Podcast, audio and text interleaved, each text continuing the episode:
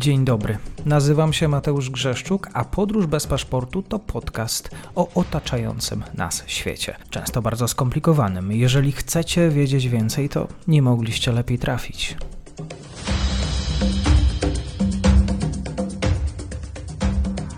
Partnerem odcinka jest Oanda, TMS Brokers, dom maklerski obecny na rynku już od ponad 20 lat. W opisie odcinka znajdziecie link do aplikacji, której możecie otworzyć konto maklerskie i grać na giełdzie, a wcześniej potrenować na koncie demonstracyjnym. Jeżeli otworzycie konto za pośrednictwem tego linku, dostaniecie na start książkę o tematyce inwestycyjnej. Zapraszam, Mateusz.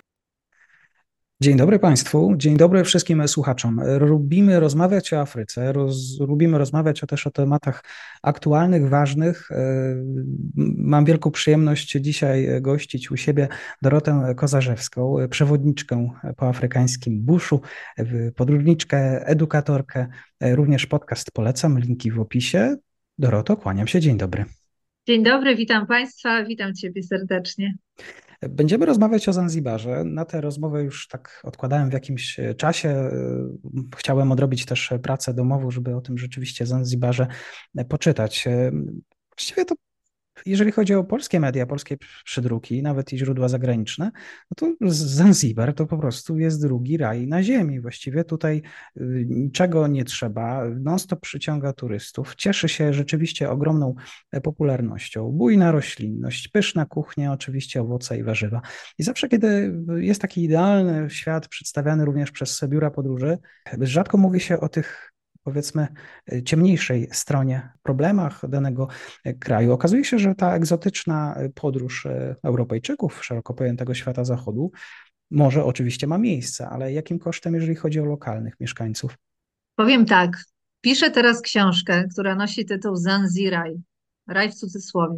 Także dotykasz dla mnie setna tego wszystkiego, co obserwowałam, będąc rezydentką Zanzibaru przez 9 lat życie w raju, czy inaczej, przyjazd do raju na dwa tygodnie, kiedy goście skupiają się i słusznie, bo są to ich wakacje. Jedynie na plaży, na oceanie, na błękitnym niebie nie ma nic wspólnego z rzeczywistością. I oczywiście jest tak, że tak jak wszędzie na świecie, można spotkać wielu zadowolonych z życia ludzi, którzy po prostu żyją w domu, w swoim miejscu i są szczęśliwi. Natomiast ja, kiedy żyłam przez 7 lat we wsi Matemłe, później e, przez chwilę w Pongłe, później w Kiłęgła, widziałam taki Zanzibar, którego nie zobaczysz na pocztówkach.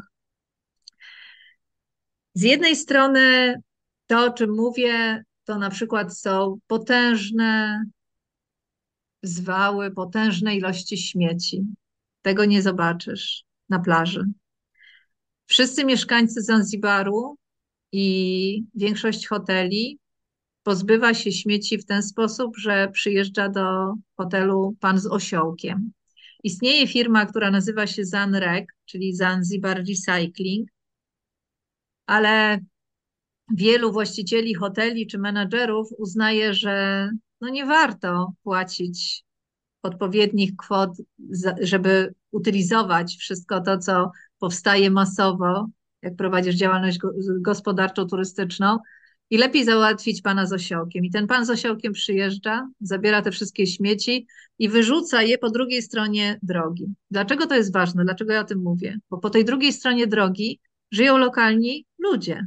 Miejsce, w którym miałam swój trzeci dom, czyli w Kiłęgła, dom, który wynajmowałam, to po prostu był i gdzie chodziłam na spacery z psami, z Floxonem i z Roxy, nie widziałam w życiu miejsca tak zawalonego śmieciami, bo właśnie tamte osiołki przyjeżdżały i wyrzucały te śmieci między domy lokalnych ludzi. Często mamy jednak e, perspektywę właśnie hotelową. E, te hotele mają jakichś właścicieli, ale to nie tak. są e, ci, którzy mieszkają tutaj od lat, tylko kto jest tym właścicielem?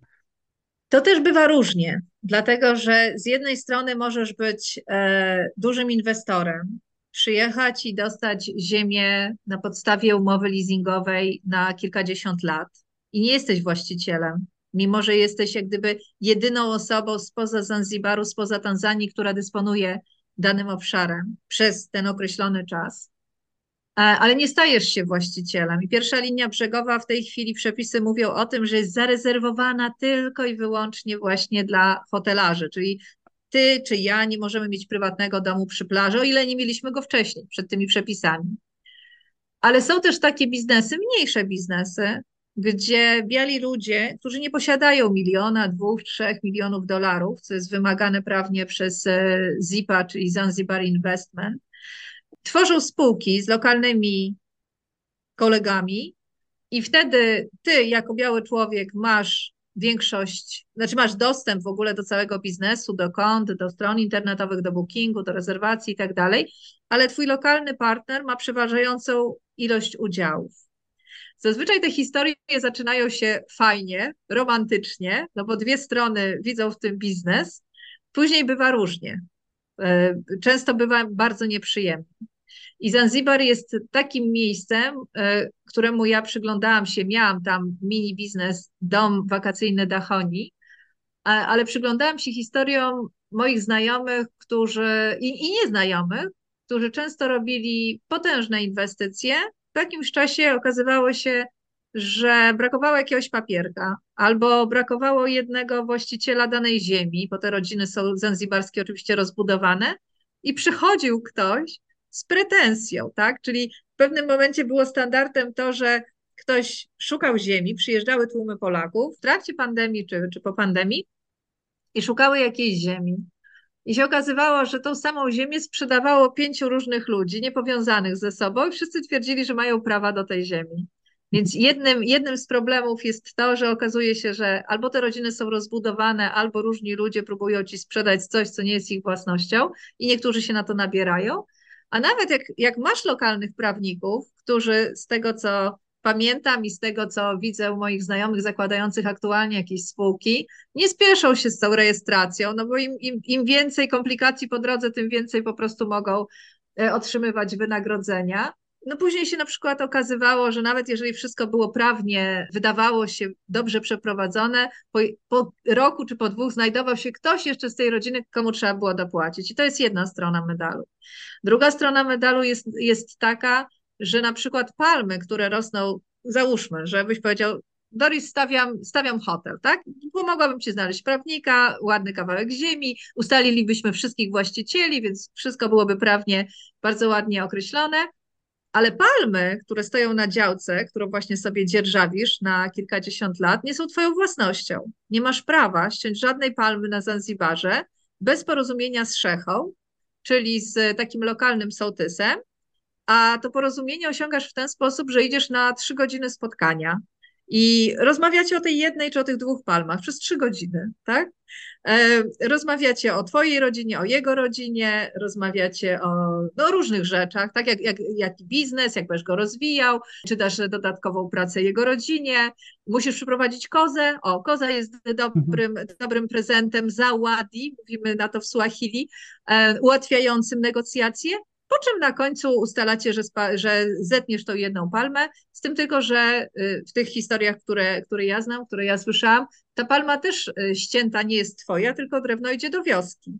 W miejscu, które wynajmowałam w Pongłę, kiedy przychodził czas zbierania kokosów, z tych palm, które nie należały do właścicielki, ja wynajmowałam ten, ten, to miejsce, ten plot, e, no to też przychodzili do mnie ludzie z wioski i ściągali mi te kokosy. E, no i że tak powiem, część szło do wioski tych kokosów, część e, dostawałam ja.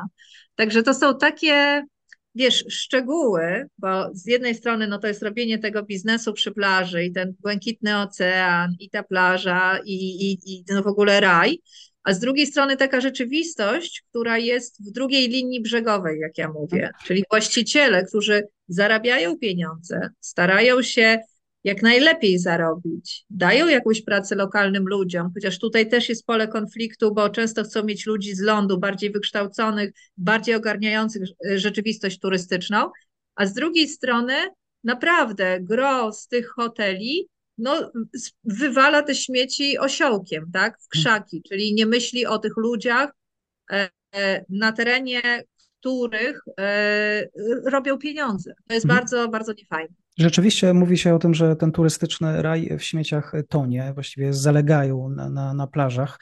To też jest e, dziwne, jak to, jak to jest w ogóle możliwe, że te piękne tereny zamieniają się w e, wysypisko. Odpowiedz mi tak, jesteś, e, przypatrujesz się sytuacji na Zanzibarze, ale od wielu lat, ale do kogoś kiedyś te ziemie należały, tam gdzie dzisiaj możemy, mogą turyści cieszyć się widokami. Rewolucyjny rząd Zanzibaru rządzi wszystkim. Jeszcze a propos tych śmieci, zaraz wrócę do Twojego pytania, ale a propos śmieci na, na Zanzibarze, nawet w tej linii brzegowej, to chciałam Ci powiedzieć o, o takiej historii. Mianowicie przez kilka lat próbowałam namówić moich znajomych, którzy prowadzą firmę Czako na Zanzibarze. To jest firma która zbiera butelki, bo jak się domyślasz, jest e, no, dużo hoteli, dużo barów, dużo restauracji, więc jest dużo szkła, dużo butelek i oni robią wspaniały projekt, mianowicie e, z tych pustych butelek po winie robią e, kandelabry, robią jakieś takie pojemniki na przyprawy, bardzo fajne rzeczy z tego robią. I ja podejrzałam projekt, który funkcjonuje na wybrzeżu Kenii. To jest projekt e, Ocean Soul. Mianowicie ocean wywala niesamowite ilości klapek, takich flip-flopów, które są zbierane, no bo ludzie jak się kąpią, no to przychodzi fala, zabiera im te klapki do oceanu, te klapki już nie wracają do właściciela.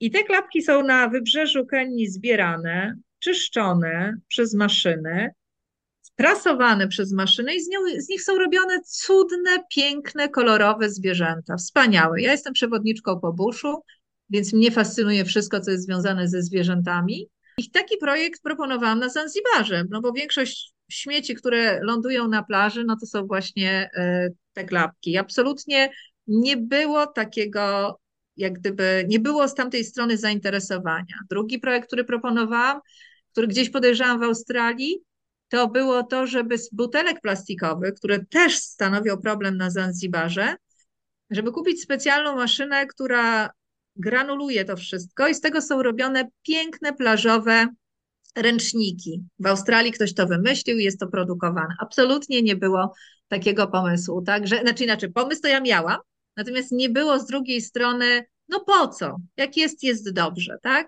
Także, także niestety muszę powiedzieć, że często w takim tropikalnym klimacie, w takiej atmosferze Hakuna Matata, pomysły, które by pomogły wszystkim żyć i które by nie zabijały tej wyspy, e, no po prostu upadają.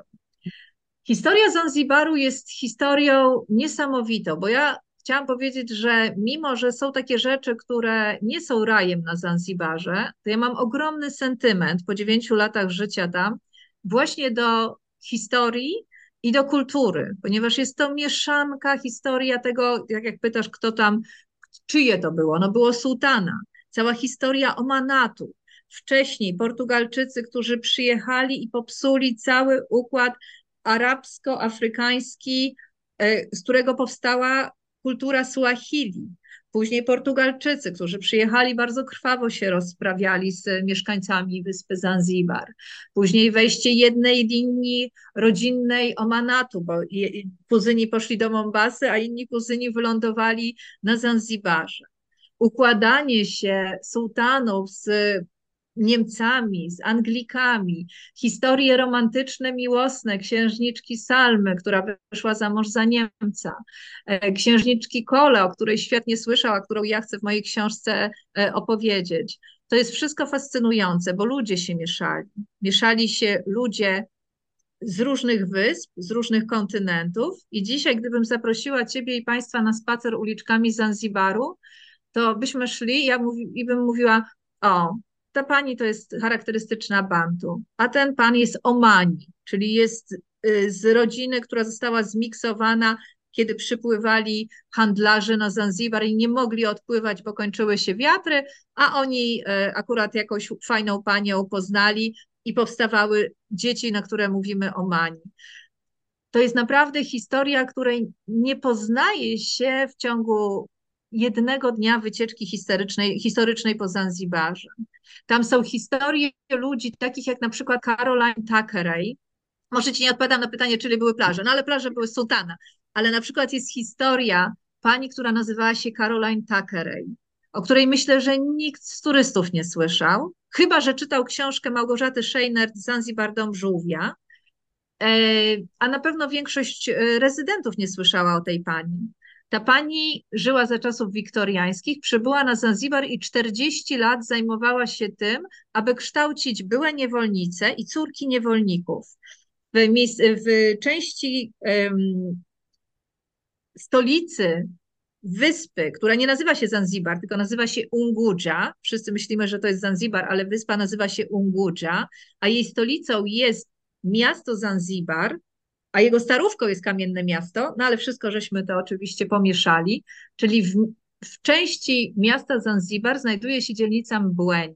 I w tej dzielnicy Mbweni Caroline Thackeray, kuzynka zresztą Thackeraya, który napisał Targowisko Próżności, miała szkołę, miała szkołę dla tych dziewcząt. I 40 lat, odziana w wiktoriańskie szaty, zajmowała się tym, by polepszyć dobrobyt dziewcząt, które wyszły z niewoli. Ona była przyjaciółką pierwszego gubernatora, którego uwielbiam, Johna Kerka, brytyjskiego gubernatora wyspy Unguja, który y, dla, mi jest bliski dlatego, że był zafascynowany przyrodą.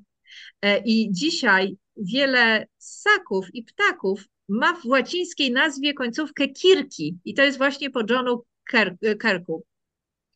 On był zwolennikiem zniesienia niewolnictwa. On doprowadził do zniesienia niewolnictwa na Zanzibarze.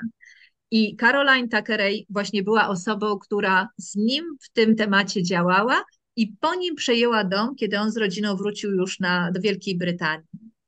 I ja, kiedy mieszkałam na Zanzibarze, jeździłam do jednego z dwóch kościoła, kościołów anglikańskich Jeździłam na jej grób, odkryłam jej grób. Ten grób był w strasznym stanie. Zarośnięty, rozwalony, musiałam przetrzeć, żeby zobaczyć, kto tam jest e, pochowany. Krzyż rozwalony, rozrzucony po terenie. Jeździłam tam do niej w takich sytuacjach, kiedy czułam, że już naprawdę na tym Zanzibarze nie, nie wytrzymam. Jeździłam tam i czytałam właśnie z książki Małgosi Szejnert tekst Ile lat panna Takerej przeżyła i co tam robiła. I kiedy wyjeżdżałam z wyspy, postanowiłam zrobić coś, co nie będzie tylko po prostu imprezą pożegnalną, ale takim trwałym śladem. I wyobraź sobie, postanowiłam od, od, od, odnowić ten grup Caroline Thackeray. Na imprezach pożegnalnych namówiłam znajomych, żebyśmy się zrzucili na to.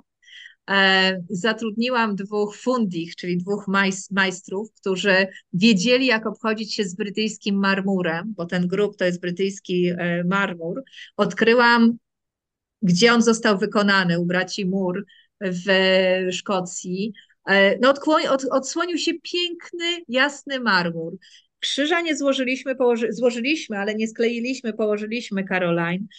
udało się uzyskać u wspaniałego człowieka, którego życie i życie jego rodziny, to jest historia Zanzibaru.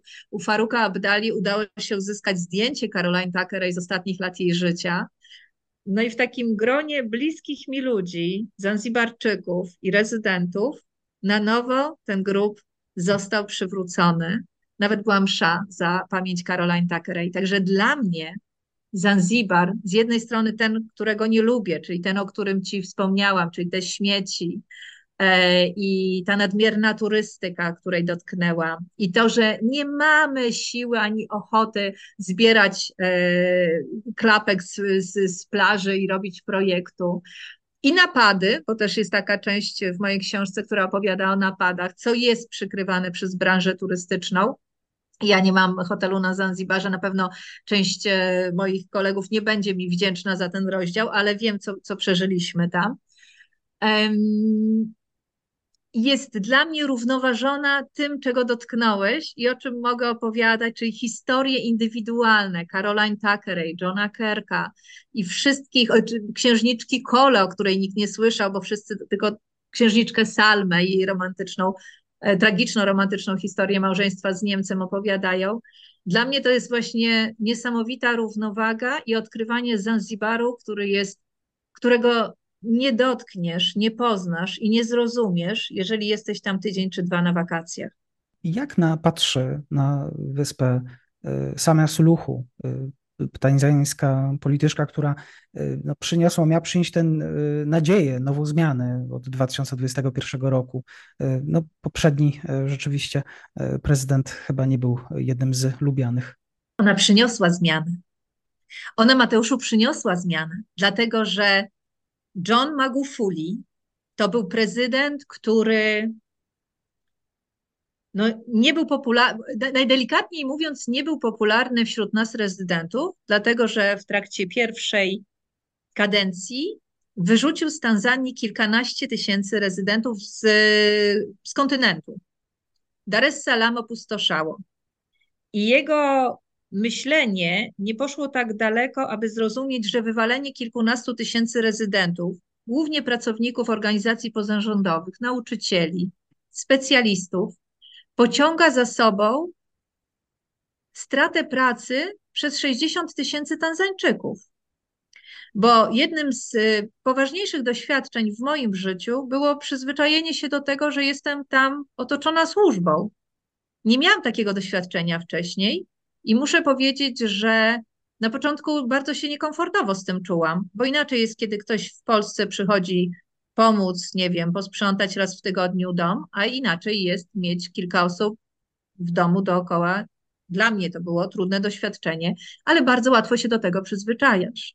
Co więcej, ja nie mieszkam na Zanzibarze prawie dwa lata, ale mieszkałam 9 lat. Za każdym razem, kiedy jestem, raz na pół roku, cały mój, cały mój e, staw, czyli wszyscy moi pracownicy, spędzamy razem czas, jemy razem posiłek, rozmawiamy i wiem od nich, to, to nie są przechwałki, że ich życie było lepsze, za, kiedy ja po prostu tam byłam i tą gwarancję pracy mieli. Czyli John Magufuli doprowadził do tego, że kilkadziesiąt, tysięcy y, Tanzańczyków straciło pracę. Kiedy John Magufuli wyśmiewał pandemię, nikt nie przypuszczał, że on po prostu zachoruje na COVID i umrze w następstwie tego. Kiedy umarł, wszyscy wiedzieliśmy, nie umiem ci powiedzieć skąd, ale wiedzieliśmy, że przez tydzień nie było to ogłaszane publicznie. Dlatego, że mama Samija, jak na nią mówimy, ona pochodzi z Zanzibaru, konstytucyjnie domagała się tego, że ma być mianowana zgodnie z, właśnie z przepisami prezydentką e, Republiki Tanzanii. I był duży opór, nawet w jej partii, w partii CCM, żeby tak się stało, ale ona postawiła na swoje. Więc po pierwsze uważam za sukces to, że kobieta, to nie pierwsza kobieta prezydentka w Afryce, ale że kobieta została prezydentką Republiki Tanzanii. E, ja byłam z tego powodu bardzo szczęśliwa. Trochę mniej byli szczęśliwi w moim wieku właściciele biznesów, Afrykańczycy, Zanzibarczycy, których o to pytałam. Mówili, jak to jest, żeby kobieta była prezydentką. To, co ja widzę z działań mamy sami, to są dwie takie rzeczy. Jedną to widzę ewidentnie na Zanzibarze, czyli po prostu ona polepsza infrastrukturę. Są coraz lepsze drogi, podobnie jest w Aruszy, bo widziałam to startując ostatnio z wyprawami z Aruszy.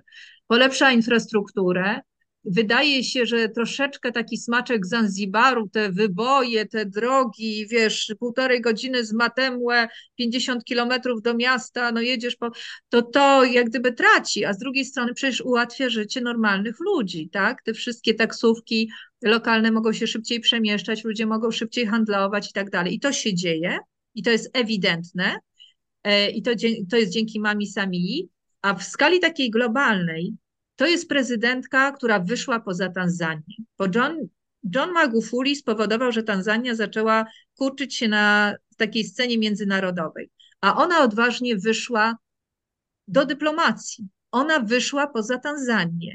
Jednym z zagadnień, które mnie osobiście interesują, to jest kwestia przesiedlania Masajów z obszaru chronionego Ngorongoro, ponieważ w pierwszym zamierzeniu e, powstania Parku Narodowego Serengeti chciano, żeby ten park był większy, mimo że jest potężny, ponad 15 tysięcy kilometrów kwadratowych, ponieważ zwierzęta, armia wielkiej migracji, milion dwieście tysięcy gnu, przechodzi też przez obszar chroniony Ngorongoro, ale Masajowie wtedy powiedzieli nie, my tutaj mieszkamy, więc nie można było zrobić Parku Narodowego Serengeti w większym obszarze niż on jest w tej chwili.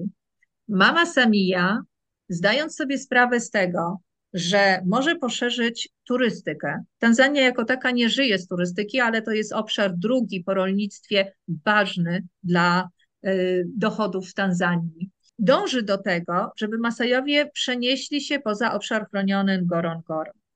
Z jednej strony potrafi się dogadać z częścią wspólnoty starszyzny masajskiej i oni się przenoszą, i to widziałam już przy miejscowości Mtołambu, przy miejscowości Karatu. Jadąc teraz widzę wszystkie te masajskie maniaty, które na nowym terenie po prostu są budowane, e, nieprzenoszone, bo to są domy nadal robione tradycyjnie, czyli i z gliny, i z kupy krowiej. Nadal, nadal jest tak samo. A z drugiej strony jest taka część Masajów, którzy mówią: Nie, nie przeniesiemy się. I w pewnym momencie oni zaczęli prosić międzynarodową społeczność o pomoc. Pamiętam, był taki protest e, nagłaśniany przez organizację AWAS pod tytułem Chcą nas wywalić z naszej ziemi. E, I wtedy właśnie mama Samia, która zobaczyła, że ponad 3 miliony ludzi z całego świata podpisały ten protest w ciągu kilku dni, ruszyła w świat. Ruszyła w świat, zaczęła opowiadać dlaczego, po co i w jaki sposób chce to zrekompensować Masajom. E, to się działo kilka miesięcy temu. W mojej ocenie osiągnięto porozumienie, czyli z jednej strony oni się przeprowadzają, a z drugiej strony ona pokazała odwagę wyjścia do świata i opowiadania o rzeczywistości, w której żyją Tanzańczycy, o której my nie mamy pojęcia, tak? Ja mam jakieś pojęcie, bo od 30 lat Afryka jest w moim życiu i 9 lat mieszkałam na Zanzibarze, ale rzeczywistość Zanzibaru to nie jest rzeczywistość mainlandu, czyli, czyli kontynentalnej Tanzanii ta kontynentalna jest właściwie zainteresowana. Mówię tutaj o, też o przepływie pieniędzy, inwestowaniu w samą wyspę, też żeby się rzeczywiście jakaś realna zmiana dla lokalnych mieszkańców dokonała. Nie do końca. Dlatego, że jeżeli popatrzysz na strukturę parlamentarną, to zobacz, co się dzieje. Jest parlament Republiki Tanzanii, tak? Tan-Zan. Tan-Ganika, Zan-Zibar. Czyli jest wspólny parlament dla Tanzanii, który, w którym tam z niecałych 300 posłów, tu, którzy są w tym parlamencie, ponad 80 jest z Zanzibaru. Ale jednocześnie jest przecież rząd Husseina Mwini, który jest rządem tylko i wyłącznie Ungudzi, tak, archipelagu.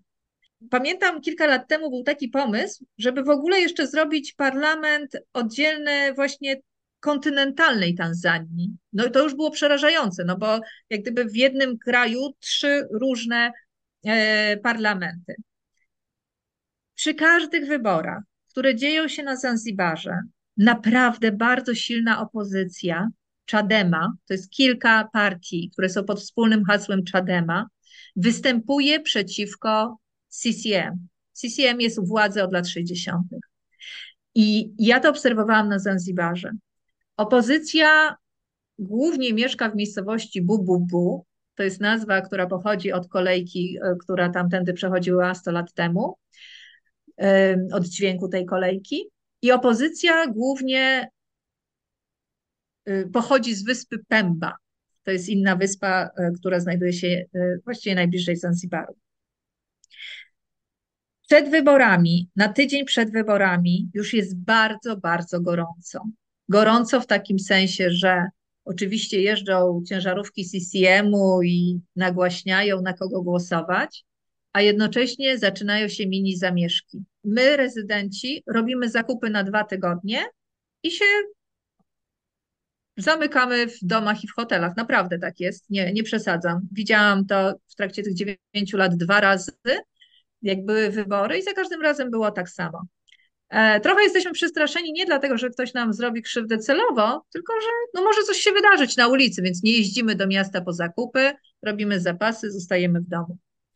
Pamiętam, kiedy lądowałam w dniu wyborów kiedyś z wyprawą na Zanzibarze i pamiętam wrażenie. Całe miejsce na lotnisku, czy jakby całe to miejsce, gdzie wszyscy czekali, zawsze było puste stały samochody opancerzone wojskowe, które przypłynęły na promach z, z, z lądu. E, I tego dnia akurat było spokojnie. I zawsze jest spokojnie. Spokojnie przestaje być, kiedy są ogłoszone wyniki i kiedy się okazuje, że znowu CCM wygrał. Zanzibar chce się oddzielić. Chciał, chce i będzie chciał się oddzielić. Dlaczego? I to jest to, o, o czym ty wspomniałeś, co może nie być tak oczywiste, patrząc z perspektywy. Mianowicie Tanzania bardzo lubi Zanzibar, ponieważ większość gości przyjeżdża na Zanzibar, czyli większość pieniędzy idzie na Zanzibar. ale nie idzie na Zanzibar, ponieważ Tanzania zabiera te pieniądze. I Zanzibar nie chce, żeby Tanzania kontynentalna zabierała te pieniądze. Tu jest jeszcze jeden problem, czy jeszcze jedna kwestia może. To jest kwestia religii. Zanzibar jest muzułmańską wyspą. Tanzania jest pół na pół. Wybrzeże jest muzułmańskie, idąc bardziej w głąb lądu, coraz bardziej chrześcijańskie. Katoliki i nie tylko katoliki, jak oni mówią, bo mówią katoliki. To jest inna mentalność, to jest inna religia, to jest inna mentalność, to jest inna kultura, to jest to, o czym mówiłam, to przemieszanie, wyspiarskie przemieszanie. To jest to, że na Zanzibarze zawsze było inaczej pod względem historii i kultury niż na lądzie. Więc Zanzibar czuje się bardzo, bardzo niezależny. I Zanzibar chciałby być totalnie niezależny. Dodatkową kwestią są pokłady gazu, które, jak ja mieszkałam na Zanzibarze, znaleziono właśnie między Dar es Salaam, które kiedyś było stolicą, teraz jest stolicą administracyjną, a Zanzibarem. Też był o to konflikt. Natomiast są takie narzędzia, które Dodoma, czyli stolica, mm, przynajmniej do czasów e, mamy Samii, Sulumu Hassan, pozwalały trzymać Zanzibar w ryzach. Jednym z takich przykładów jest na przykład prąd, dlatego że prąd na Zanzibarze jest dostarczany z lądu. E, pod oceanem jest kabel, który miał chyba przydatność do zużycia 30 lat, a leży już ze 40. I pamiętam takie sytuacje, kiedy zaczęłam mieszkać na Zanzibarze albo chwilę przed, że prezydent Zanzibaru nie płacił rachunków za prąd prezydentowi Tanzanii, więc prąd został wyłączony na trzy miesiące. Przez trzy miesiące w tropiku nie było y, prądu, żeby, y, no tam powiedzmy, do klimatyzacji, do, do czegokolwiek, ale też do lodówek. Ludzie chorowali, no bo przecież, znaczy możesz coś złowić od razu zjeść, ale wszystko gniło.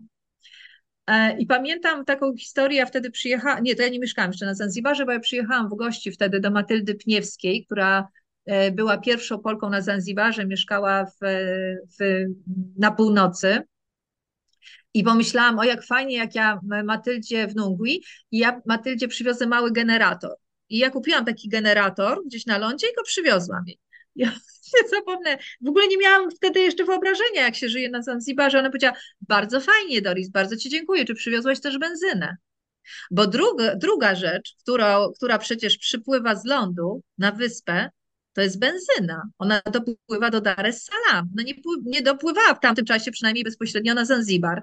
Czyli rząd Tanzanii Republiki Tanzanii ma takie narzędzia, żeby trzymać Zanzibar w szachu, ale zapewniam i ciebie, i słuchaczy, że moment, w którym można byłoby pozwolić Zanzibarowi zdecydować, czy chce być częścią Tanzanii, czy chce być częścią, e, czy chce być po prostu niezależną wyspą, każde pieniądze kładę na stół, że Zanzibar po prostu nie chce być częścią Tanzanii.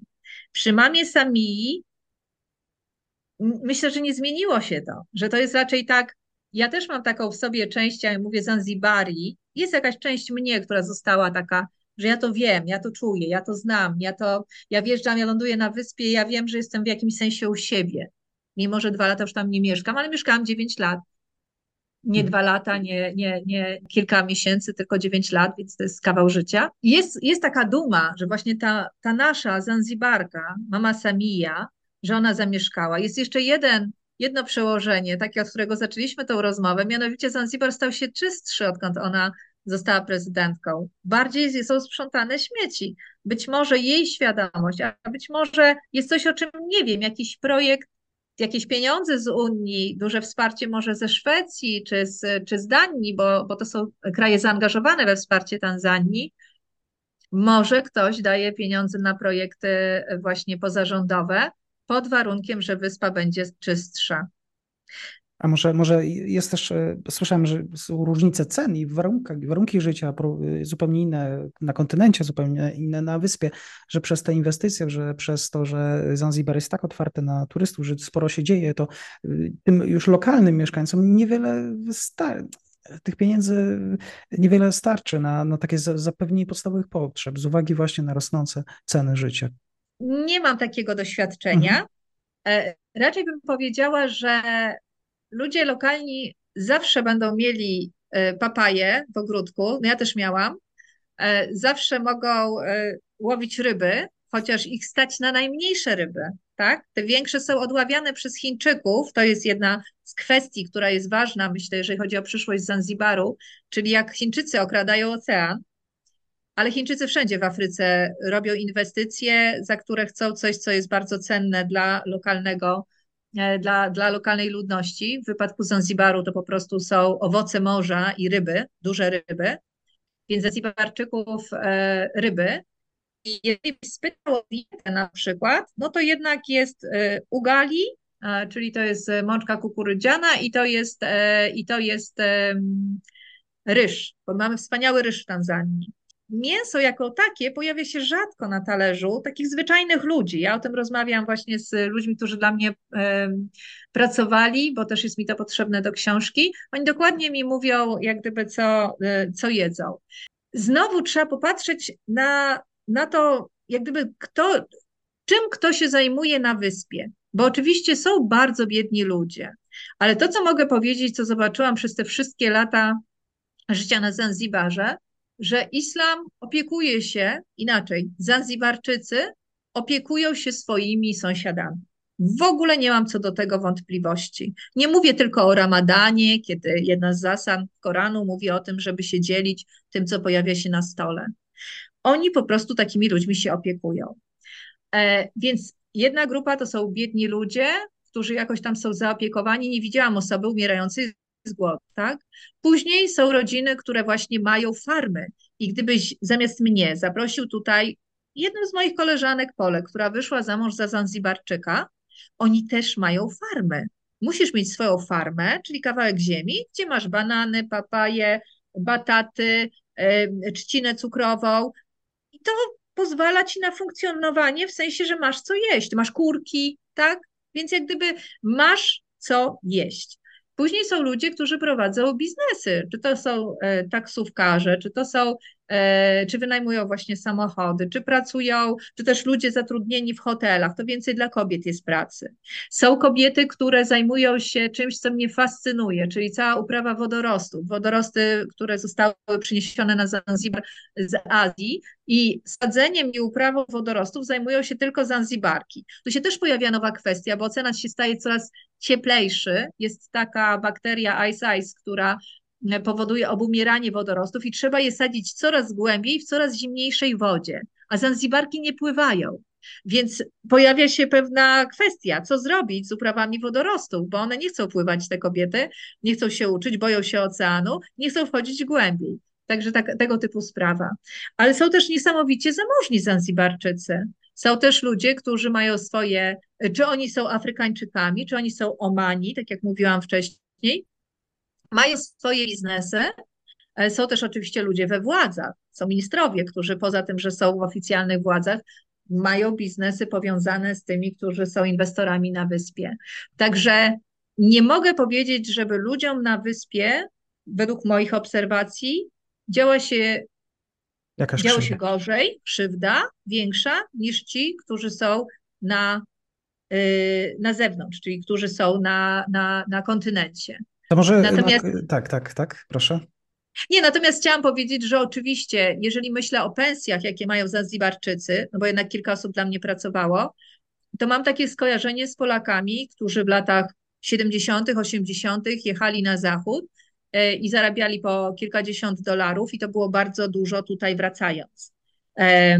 Tak, żeby dać konkretny przykład Państwu, to dziewczyna, która dla mnie pracowała, po prostu sprzątała w domu, e, prała, mm, przychodziła do mnie trzy razy w tygodniu na cztery godziny i ja jej płaciłam taką równowartość 100 dolarów i to było bardzo dużo, bardzo dużo. Żeby zarobić 100 dolarów, niektóre dziewczyny pracują po 6 dni w tygodniu, e, po 8 godzin w hotelu, jeden dzień wolnego. Także Ewa nie miała, bo ja tak, bo ja nie chciałam, żeby ona była codziennie, nie widziałam potrzeby, ale nadal to jest tylko 100 dolarów, tak? Miesięcznie. Mhm. To jeszcze na zakończenie. Myślisz o tym, że pojawi się jakiś pomysł w związku z referendum e, właśnie z Zanzibaru? E, mówiłaś tutaj o tym, że chcieliby się odłączyć od Tanzanii. Nie, nie. Nie, nie wierzę w to. Nie wierzę w to, żeby. Mm, inaczej, może odpowiem inaczej. Z jednej strony bardzo im tego życzę. I może jest nadzieja, kiedy mama Samia Zanzibarka jest u władzy. Ale ona jest u władzy dlatego, że ona pochodzi z partii CCM. A partia CCM nie chce odłączenia Zanzibaru. Czyli jest tutaj zamknięte koło. E, na pewno zmiana władzy spowodowałaby no, dojście innych ludzi, może nowe pomysły, może nowa energia, młodsi ludzie. Tego im życzę, ale to może też nie być takim pokojowym przekazaniem władzy. Mhm. Zastanawiające, czy były takie pomysły. Czy kto miałby być też twarzą takiego ruchu? Czy, czy może pojawia się, pojawiają się jakieś ambicje polityczne wśród lokalnych? Pojawiają się e, i takie, takie postaci były. Był bardzo silny e, szef opozycji na Zanzibarze. On niestety e, umarł na ale wszyscy przyszli go pożegnać, oczywiście w trakcie pandemii i wszyscy byli bez maseczek, także, ale jak wiemy na Zanzibarze nie było pandemii, Mm, więc oczywiście, że są liderzy opozycji, którzy chcieliby przejąć władzę i co więcej młodzi i na Zanzibarze, i na y, kontynencie bardzo podkreślają przy każdych wyborach swoje niezadowolenie i krzyczą, że chcą tej zmiany. Natomiast muszę powiedzieć, że moje pokolenie, mam 53 lata i trochę starsze, no mocno się trzyma tego, żeby do tej zmiany nie dopuścić. A, a tak jak powiedziałam, trzymam kciuki za zmianę, bo tak jak uważam, że dobrze się stało, że e, mama Samia Suluhu Hassan została prezydentką Tanzanii, że kobieta i że to jest jednak inna jakość, to tak samo myślę, że po prostu zmiana z partii CCM na którąś z partii wchodzących w opozycję w Czadema, jak każda zmiana w życiu, byłaby czymś bardzo istotnym dla rozwoju Tanzanii. Bardzo im tego życzę. Bardzo dziękuję Państwu za odsłuchanie audycji. Zapraszam również na kanały Doroty, która dzisiaj gościła na podróży, do podcastu, do obserwowania na social mediach. Doroto, bardzo dziękuję za Twoją wiedzę i spotkanie. Bardzo dziękuję, pozdrawiam i do zobaczenia. Dziękuję serdecznie za odsłuchanie tej audycji. Zachęcam oczywiście do kliknięcia subskrybuj, obserwuj oraz wsparcia mojej pracy na serwisie Patronite. Do usłyszenia.